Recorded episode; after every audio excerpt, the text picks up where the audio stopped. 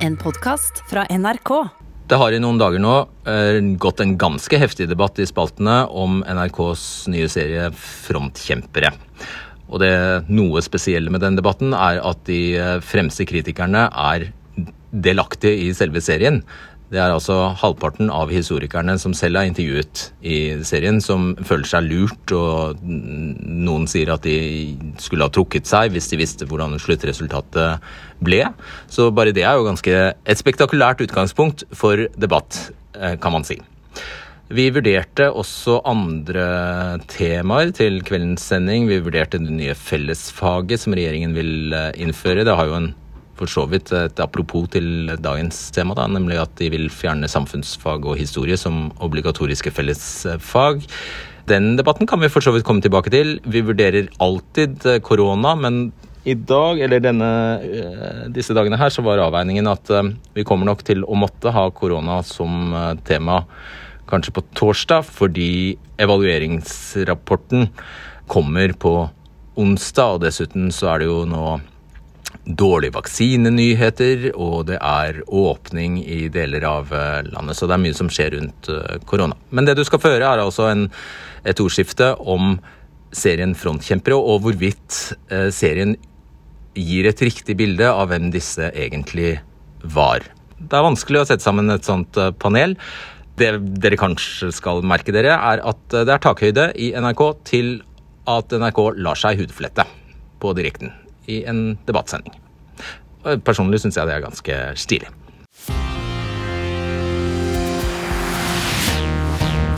God kveld. Du skal slettes ikke ha måttet se alle de fire episodene av NRK-serien Frontkjempere for å henge med i denne debatten.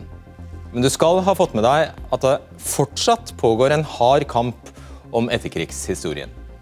For selv 80 år etter andre verdenskrig handler det om hvor bevisste de norske frivillige til tyske Waffen-SS var. Hvor bevisste de unge norske mennene var på at de oppfylte Heinrich Himmlers ønske om å rekruttere soldater fra den såkalte nordisk-germanske rasen til sin raseideologiske Lebensraumkamp mot laverestående raser og tilintetgjørelse av hele det jødiske folk. Velkommen, Tone Beate Vinningstad. Jo, takk. Som vi snart skal forstå, er svaret på det spørsmålet komplisert. Det varierer fra frontkjemper til frontkjemper, og du er her i dag fordi dette er faren din. Ja. Han het Håkon Winningstad og var frontkjemper. Ja. Og han, eh, Først ble han sendt til Senheim i eh, Nord-Frankrike, hvis jeg har forstått det rett? Nei, det er vel i Sør-Tyskland et sted, tror jeg. ok, Senheim i hvert fall, og så til Narva i Estland i april 44. Ja. Hva fortalte han var årsaken til at han vervet seg til østfronten? Nei, Han sier jo som alle sammen at det var kampen mot kommunismen og forsvaret av Finland. Ja, Så det er standard, Det er standardsvaret. standardsvaret. Og når vi snakker om forsvaret av Finland, så snakker vi om vinterkrigen. altså Ja, ikke sant. Forsvaret mot bolsjevikene. da. Ja. Den russiske horden som skal oversvømme Europa. Ja, dette skjedde altså i, i uh, 1939, november 1939 at Sovjet angrep uh, Finland. Da var det jo mange som vervet seg for å støtte Finland. Eh, kan du fortelle litt om eh, bakgrunnen for at han eh, havnet der?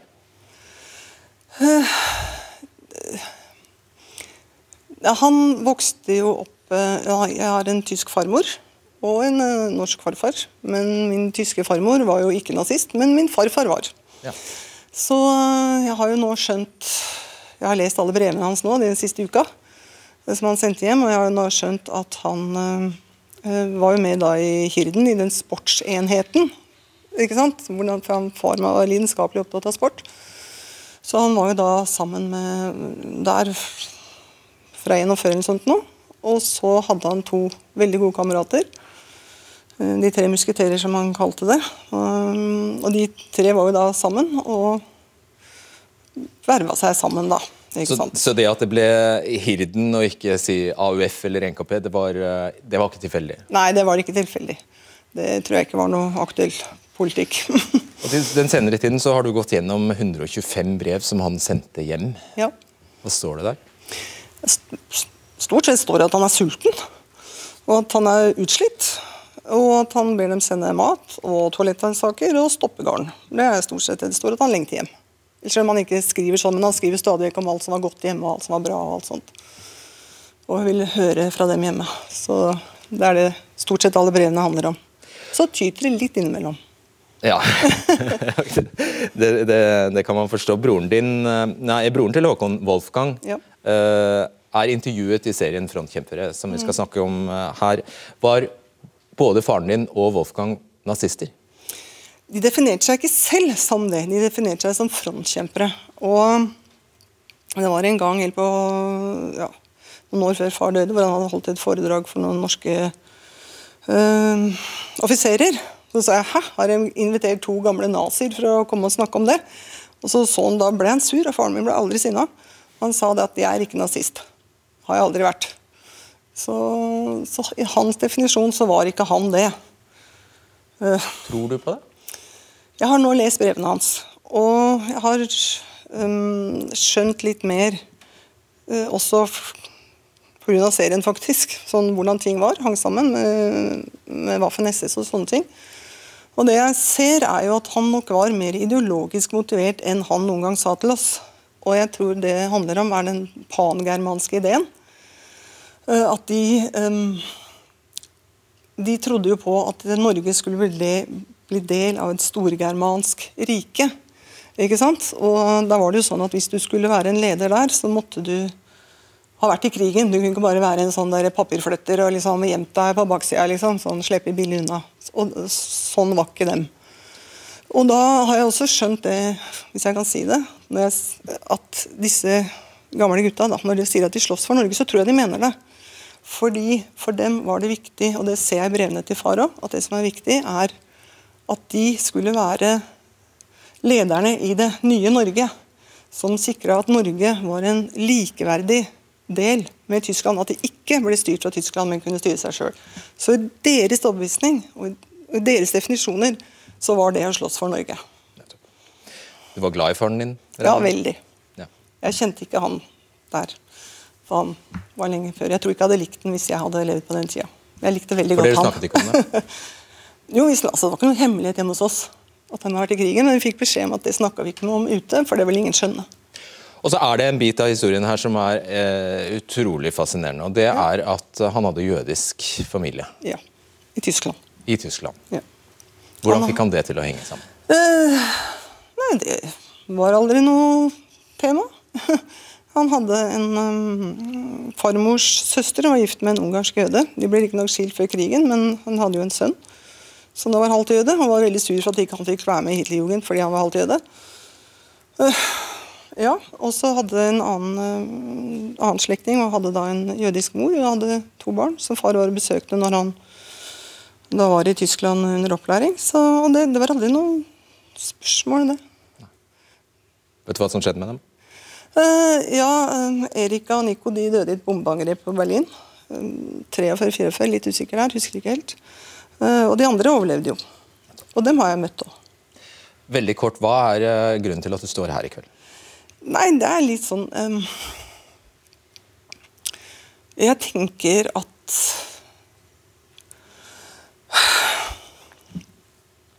Unnskyld. Han var noe mer enn den gutten. Han var den mannen. Og det er viktig for deg å få fram. Unnskyld. Det kan vi forstå. Tusen hjertelig takk. Gjennom fire episoder møter vi sju frontkjempere i serien som Alexander Kristiansen har skrevet, regissert og produsert. Alle unntatt én av dem har gått bort, og prosjektet har vart i elleve år. Sist gang noen prøvde seg på noe lignende, var da den salige Hågen Ringnes i 1981 lot åtte medlemmer av Nasjonal Samling fortelle sine historier. Også den gangen, Da var det bare gått 35 år siden krigen.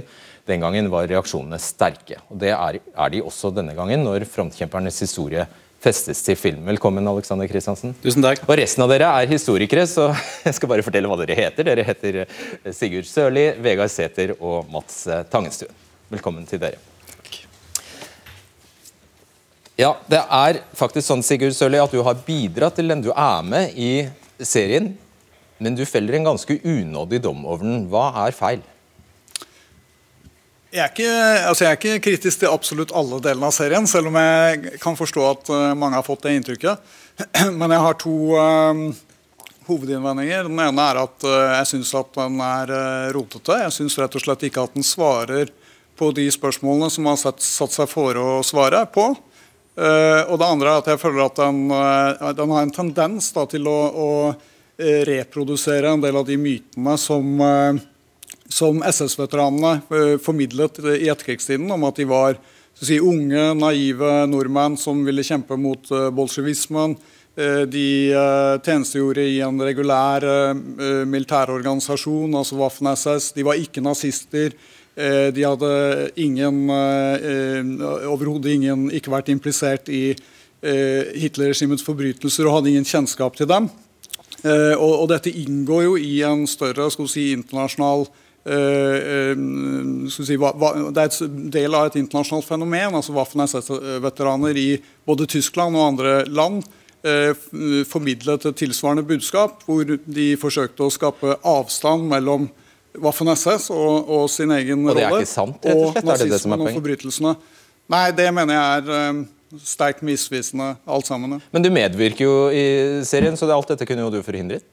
Nei, det har jeg forsøkt å gjøre. Jeg har gitt eh, detaljerte tilbakemeldinger gjennom eh, flere år. og eh, påpekt disse perspektivskjevhetene og svakhetene og gitt ganske konkrete anbefalinger om hva som bør gjøres for å få filmen bedre. Ja, Det er en ganske hard dom, dette her, Alexander Kristiansen. Han sier jo her at du har lagd en serie som ikke stemmer virkeligheten. Ja, det er helt feil. Han har jo òg sagt i kronikkform at vi ikke har fulgt faglige råd, og det har vi virkelig gjort. Vi har fått eh, mange tilbakemeldinger fra Sigurd og de andre historikerne. Veldig mange gode tilbakemeldinger som har ført til at vi endra og justert mye i serien. Men vi har ikke utelukkende hørt på Sigurd og de andre, for det finnes andre forskere også som forsker på dette. her, og i, Ved noen anledninger så har vi trukket inn andre historikere for å få et annet perspektiv på det. Men jeg vil bare kommentere to ting. Um, Sigurd sier at, det, at, de fremstilles ikke som nazister, de er naive nordmenn, uh, de ikke har deltatt i forbrytelser. Det er jo ikke det serien viser. De viser jo, uh, de viser jo uh, definitivt at de er med på forbrytelser. Egentlig så hevder serien akkurat det samme som det dere skrev i kronikkform på NRK Ytring. Ja. Før, du, før, vi fortsetter der, skal vi bare introdusere dere andre. Mats Tangenstuen, du er historiker og faglig leder ved Jødisk museum. Er dette en god eller dårlig serie? Nei, Jeg syns det er en eh, dårlig serie. Eh, og jeg syns at en eh, stor mulighet har gått tapt, fordi jeg er helt overbevist om at det er samlet inn veldig mye bra materiale til denne serien her.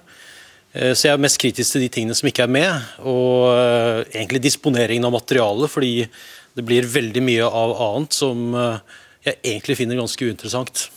Akkurat. Feilframstiller den historiens gang og, og rollen de hadde?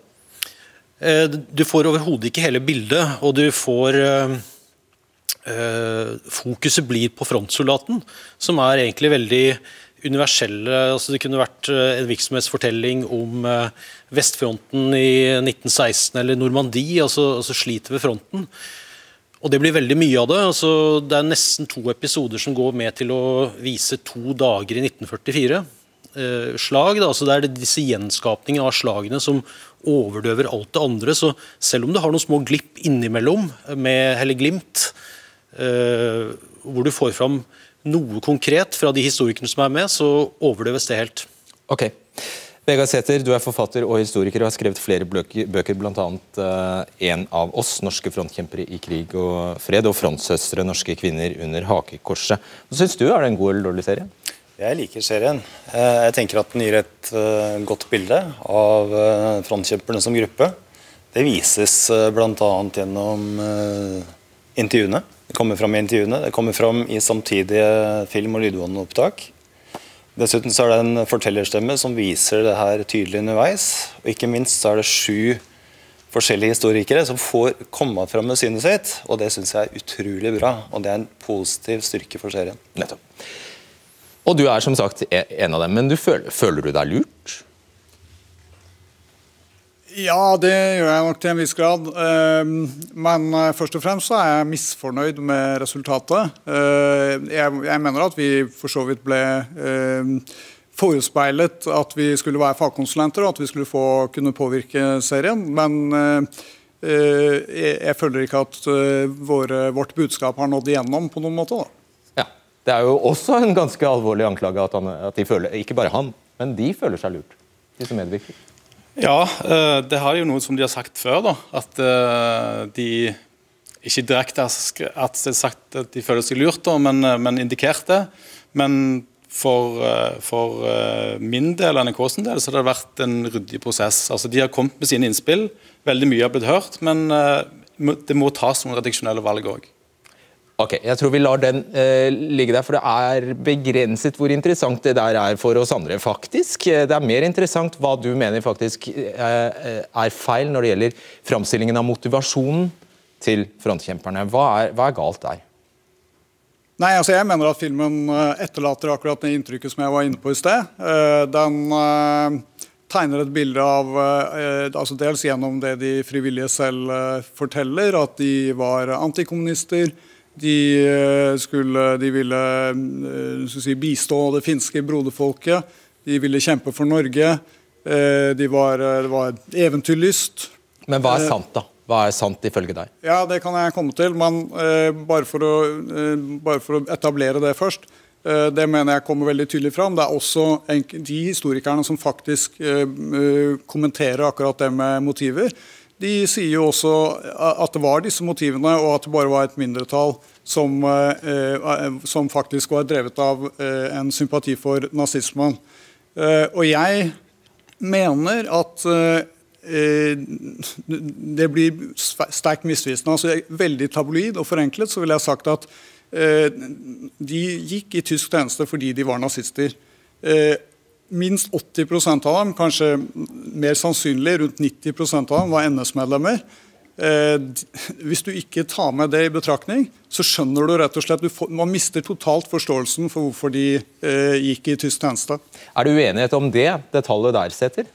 Jeg er enig med Sørli i mye av det han sier. Det er ikke sånn at det er eh, bastante fronter her, tror jeg. Men Er du uenighet om hvor stor andel av dem som faktisk var nazister? som han sier? Det er for lite empiri knytta til, eh, til, akkurat det. Og det dreier seg om eh, landssviksakene som ikke er belyst i, i helhet. Noe som jeg mener er svært viktig for å kunne slutte Uh, generaliserende utsagn om gruppa. En ting er jo om det er bastant empiri til, om det, kan, om ja. det kan forfinnes bastant empiri. En annen ting er jo at vi ikke trenger å drive med vill gjetning, antagelig. Så hva, er, hva, vil du tro er det riktige svaret? Jeg vil tro at det var svært mange som var medlemmer av NS. Ja.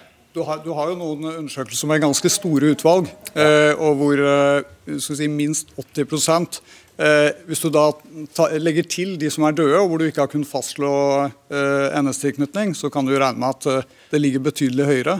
Og I ditt eget utvalg så var 48 eh, av 50 NS-medlemmer. Det er 96 så jeg vil si at uh, vi kan fastslå med 100% sikkerhet at store majoriteten var NS-medlemmer. Og Hvorfor spiller det en rolle, eh, Tangenstuen? Du har også påpekt at uh, man kan få inntrykk av i serien at de bare er unggutter på 16-17 år, men at snittalderen for de vervede var langt høyere enn det. 25 år faktisk i 1940. I starten, ja. Mm. I starten. Hvorfor er det viktig hvorvidt de faktisk var, var uh, overbeviste NS-sympatisører, eller nazister? da? Jo, det er viktig, eh, og det er også viktig fordi det var partiet som drev vervekampanjene. Og eh, nedslagsfeltet var først og fremst innad i partiet. Og, der, eh, og, når du ikke får fram hvordan disse vervekampanjene ble drevet heller, så får du ikke egentlig fram hva som, hva som var propagandaen og hva som var ideologien i de vervekampanjene, altså kamp mot bolsjevismen og jødedom. Hvor, altså hvor sentralt det antisemittiske var i også vervekampanjene. Det skal du få svare på, men siden du sier det, så er dette egentlig den perfekte anledning til å vise fram noen av de plakatene du snakker om, den propagandaen du uh, snakker, om. Mange av disse, eller faktisk alle av disse, er uh, tegnet av Harald Damsli, som var datidens fremste reklame, blant de fremste reklamefolkene i Norge. da. Eh, vi ser av modellene her at de er blonde, blåøyde, ariske og stirrer inn i tusenårsskiftet, som Hans Fredrik Dahl har skrevet, skrevet, beskrevet det. De viser gjerne sunne norske verdier. Denne verveplakaten er fra 1944 for Skijegerbataljonen. Etter hvert så lanseres plakatene for Den norske legion, som framhever det norske flagget, som vi ser her. Dette var en avdeling av Waffen-SS som Vidkun Quisling og Josef Terboven opprettet, og som besto av norske soldater. Og Da det gikk mot slutten av krigen, så tok de også i bruk slagordet 'Alt for Norge'. Norsk Front gjorde det. I 1945 er dette fra faktisk januar 1945 er denne plakaten fra. og Her ser vi også til med at de bruker kongens monogram. Er det det du sikter til? At det er liksom ingen nå hadde vi ikke noen jødebolsjevik-plakater her, Nei, men er det det du snakker om? Det en, en eh, godt opptrykt plakat fra 1942 som du ikke viser her, uh, hvor du ser liksom slangene som kommer fra Sovjetunionen med davidsstjerner på.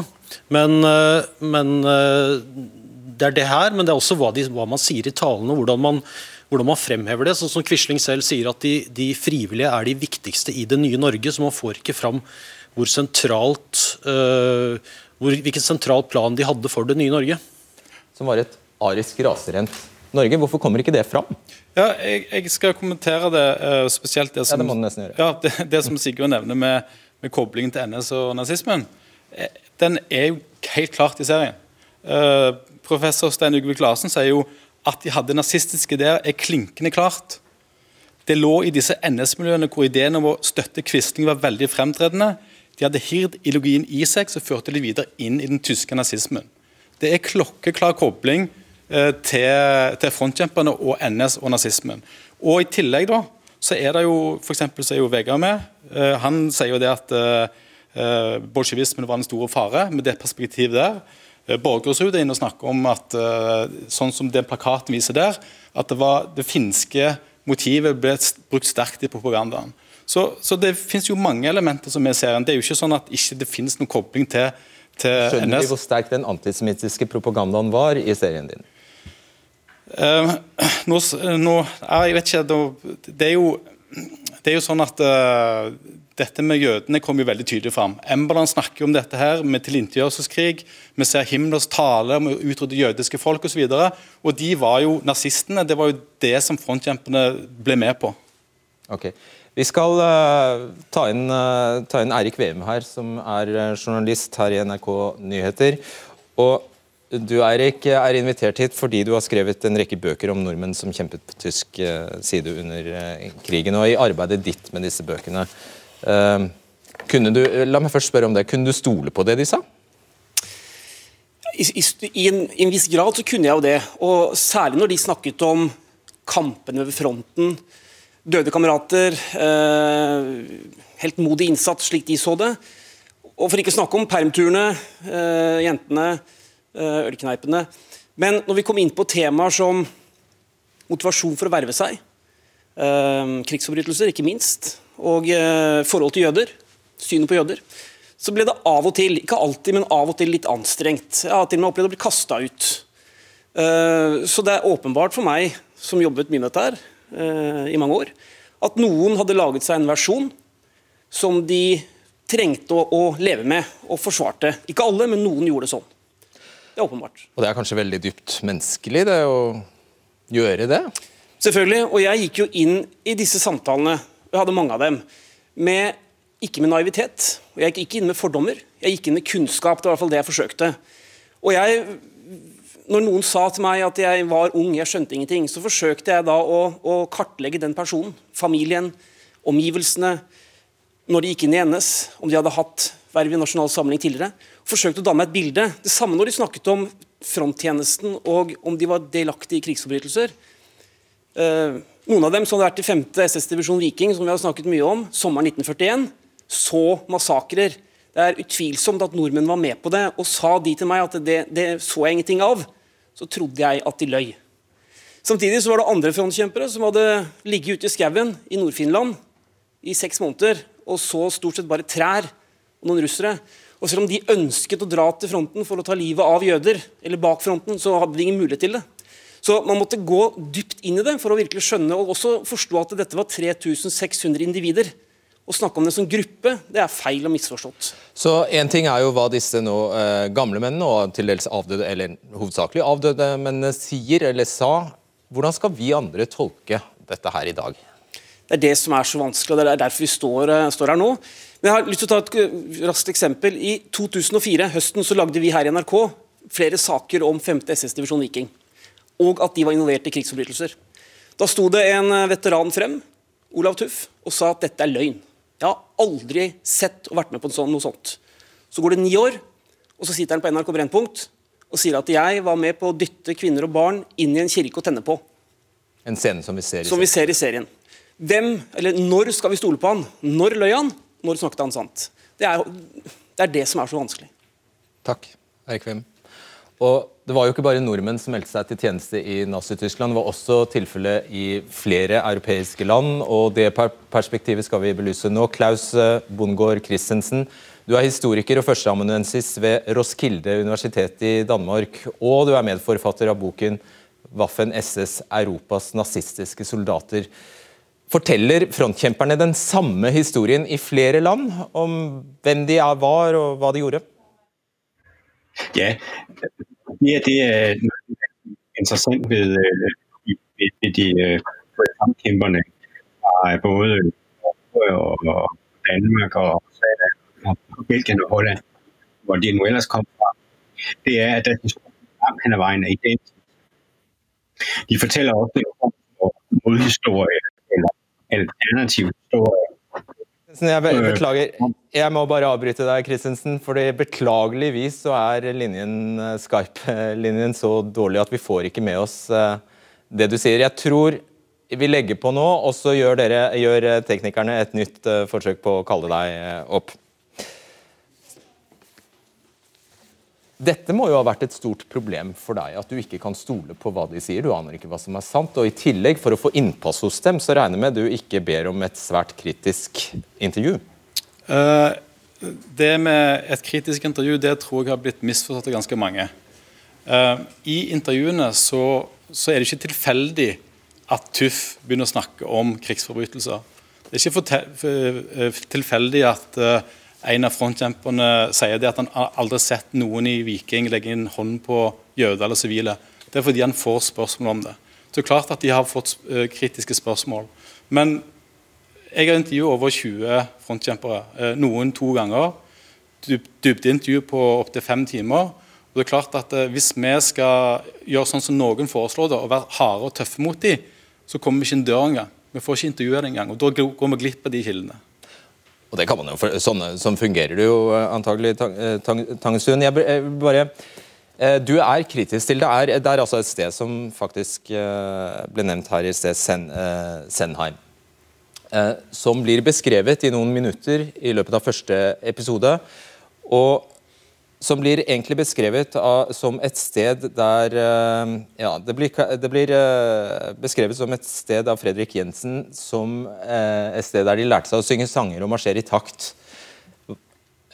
frontkjemper Fredrik Jensen. Hva er det vi da ikke får vite? Og her blir også Ja, hva er det vi da ikke får vite? Nei, altså, det vi ikke får vite det er at det både i, under rekruttutdannelsen i Senheim, men også de som ikke tok befalsutdannelse i Bad Tølst, Eh, og andre steder. De, eh, man får ikke fram den ideologiske delen av utdannelsen, som ikke var avsluttet uh, under soldatopplæringen, men som fortsatte ved fronten, også via radio og aviser de fikk. Dette her var allestedsnærværende hele tiden. Ja. Deler du den oppfatning? delvis så gjør jeg det også at det er feilframstilt, at Senheim er feilframstilt i serien, eller? Nei, det, det gjør jeg ikke. For, for, for, det var en betydelig del av det som mm. skjedde ved Senheim. Det var det helt klart. Uh, du klipper jo inn en forsker etterpå. Det kommer ikke fram at dette er en ideologisk, uh, at dette er et sted der de lærer ideologi? Jeg tror det, at det som er viktig å tenke på, at det er ikke alltid nødvendig at en historiker sier at dette var, dette var det som skjedde. Det som du ser i serien, det er at eh, Fredrik Jensen reiser inn til Senheim og ikke har noen våpenopplæring. Det er for, Han sier foredrag, sanger og marsjering. Og etter han er i Senheim, hva gjør han da? Han melder seg frivillig til å dra til fronten, selv om han ikke trenger det. Han skal, han skal begynne på et jusstudie. Det mener jeg viser en annen kontekst, og at disse her eh, frontkjemperne ble påvirka av ideologi på disse skolene som de deltok i. Okay. Dere to skal aldeles straks for, for, forlate oss, men Vegard Sæther, jeg bare lurer på at du sier at landssvikersakene vi skal for så vidt komme nærmere inn på det, men landssvikersakene eh, står sentralt som kildegrunnlag. Hvorfor det?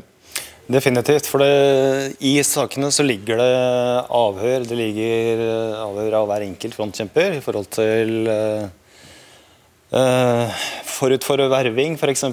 Masse detaljopplysninger som sett sammen kan utgjøre en, et grunnlag for å trekke slutninger om gruppa som helhet. Her kommer du inn på motiver for verving. Uh, du kommer til fronttjeneste, du kommer til uh, hvilke enheter de tilhørte. hvem de var sammen med liksom forut for det valget de tok om å melde seg. Og sett i sammenheng, Hvis du studerer alle frontkjempersaker, sett i sammenheng, så vil du få et vanvittig godt uh, grunnlag for å trekke generelle slutninger. Og Det er det jeg på en måte savner litt. For jeg syns at debatten her nå som har vært, den har vært veldig prega av det her med å framstille frontkjemperne som én gruppe. Og det kan jeg ikke skjønne. Og det gjør disse to her seg nå skyldig? Mener du? De er med på å, å framheve det bildet ja, i media.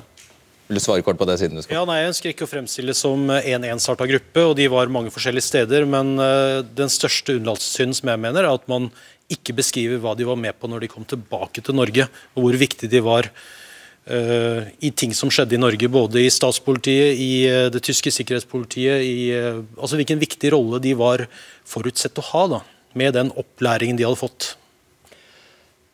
Takk skal dere ha. Vi skal bare gjøre et raskt eh, skifte her. For én ting er jo eh, hva som er serieskapernes ansvar. En annen ting er det publisistiske, altså de som publiserer og kringkaster serien Frontkjempere. Og det, ja, det er NRK, som heller ikke går fri for kritikk i denne sammenhengen. Velkommen eh, til Nina Grünfeldt og etikkredaktør i NRK, Per Arne Kalbakk. Nina Grünfeldt, du er filmskaper, forfatter og førsteamanuensis ved Høgskolen i Innlandet. Mm der du underviser om dokumentarfilm. Og skrevet to bøker om andre verdenskrig og laget film om jødiske barnehjem i uh, Oslo. Og, og om, også om din far, som, uh, var, uh, som måtte flykte fra jødeforfølgelsen. du sa til Aftenposten for et par dager siden at NRK gjør det motsatte av å gjøre oss klokere ved å sende denne serien. Hvor er det NRK er feilet?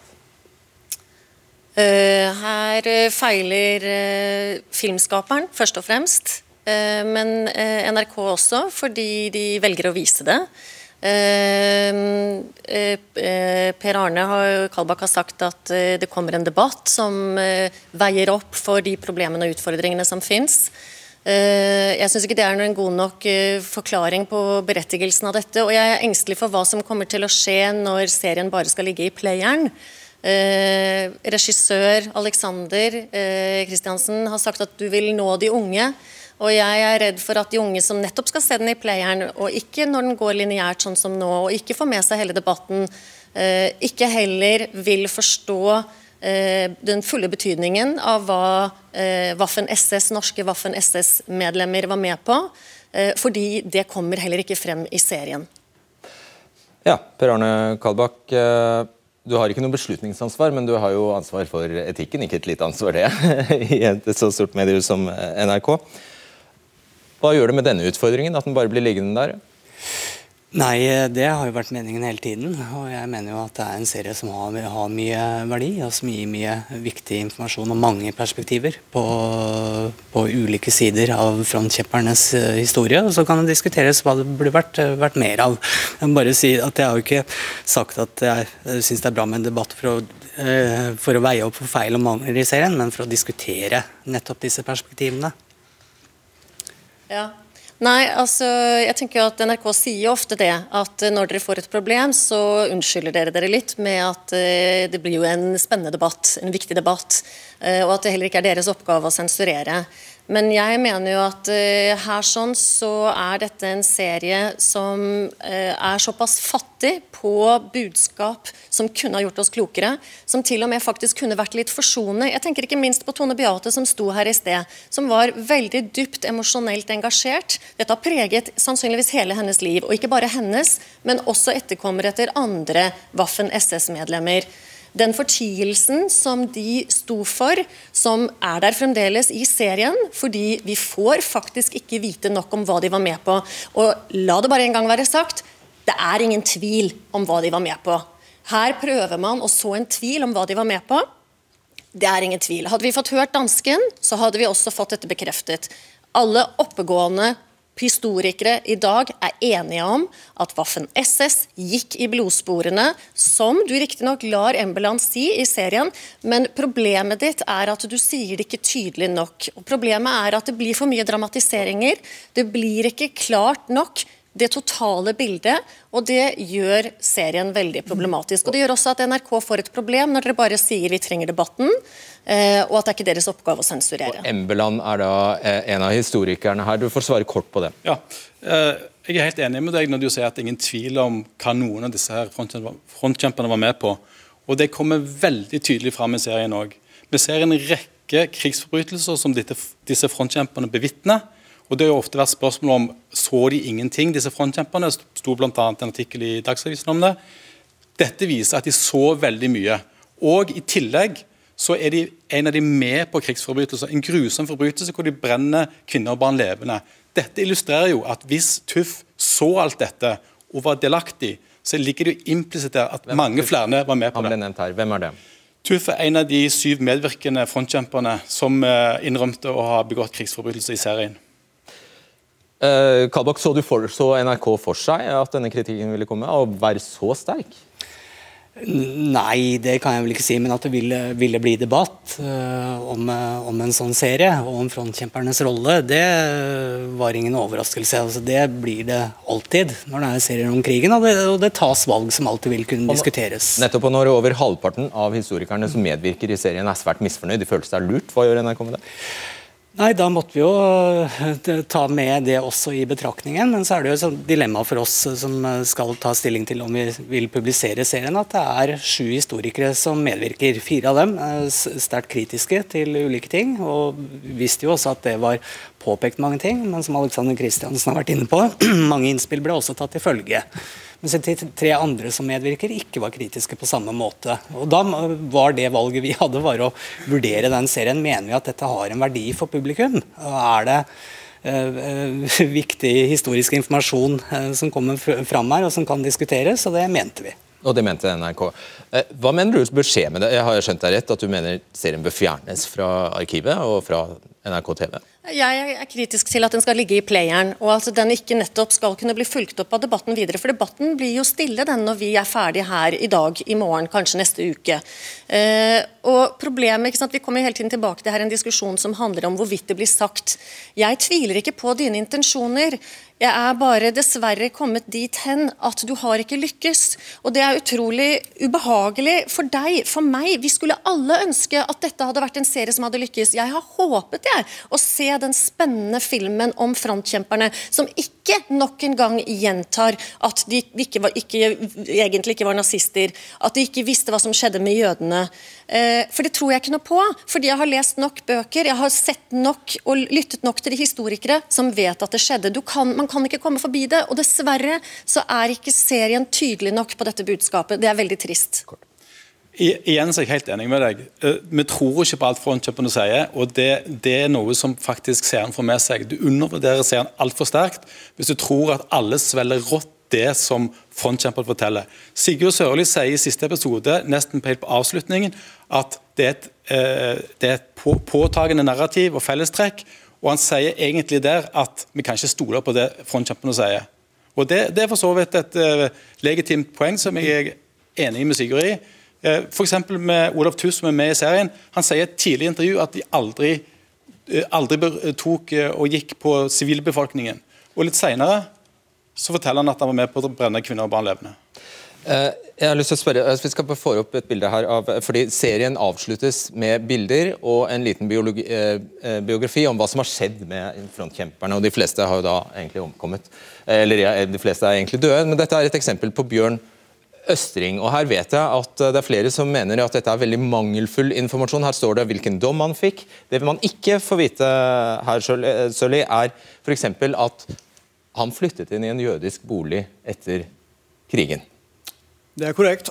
Det kom fram eh, for noen år siden eh, i forbindelse med en bok som ble skrevet, som hadde for så vidt anla eh, litt samme perspektiv som Kristiansens film gjør. Og Bjørn Østring var også kjent for mange andre ting som også hadde vært ganske enkelt å få frem i filmen. Han var en, en sterk troende nazist.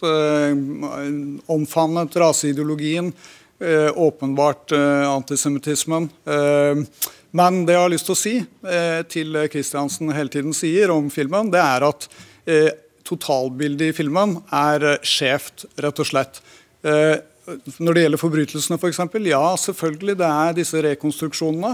Men totalbildet blir allikevel forvirrende. Og sånn er det hele veien. Også det du henviser til, som jeg sier.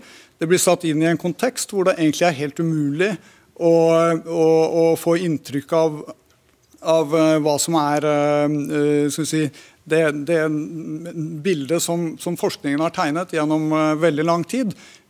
av de frivillige og hvilken rolle de spilte i Waffen-SS. Karakteren til Waffen-SS. Altså impliseringen i forbrytelsene. Alt blir i grunnen ganske rotete og misvisende. Uh, og Det er totalbildet. og Det er veldig vanskelig å redegjøre for det her og nå. Men uh, hvis jeg får mulighet, så skal jeg skrive en grundig artikkel hvor jeg skal ta for meg alle de tingene som jeg mener er misvisende og skjevt i fremstillingen. Vet du hva, Da ser vi uh, fram til den kronikken. og så La jeg deg bare avslutningsvis svare på dette her som uh, gjelder en konkret mann som Bjørn Østring. Tror du ikke det at man hadde sittet igjen med et noe annet, uh, noe annet inntrykk av ham hvis det kom for en dag at han også var dømt for helleri for å ha overtatt en jødisk bolig? Er ikke det vesentlige opplysninger? Jo, vi kunne hatt med det. Det var jo Mats òg var inne på det tidligere, at han savna Eh, hva Frontjumperen gjorde i Norge. Og, og, Det kan jeg jo svare på at eh, det er jo noe som verken Sigurd eller Vegard har tatt med i sin forskning, forskning, og sine bøker. Så De har òg landet på samme konklusjon, at det som er naturlig å avgrense eh, historien og forskningen til, er, er, den tiden de hadde ved fronten. og Det er det valget vi har tatt. Ja, eh, jeg merker jo at vi kunne ha fortsatt, men eh, tiden vår har løpt ut. Takk skal dere ha. Eh, og nå, når du har sett debatten, kan du kaste deg over serien Frontkjempere, som, altså, der alle episodene nå ligger i NRK TV. Og finner du, Der finner du også denne og eldre utgaver av debatten. Vi er tilbake med en ny utgave av oss om to dager. Ha en fin kveld.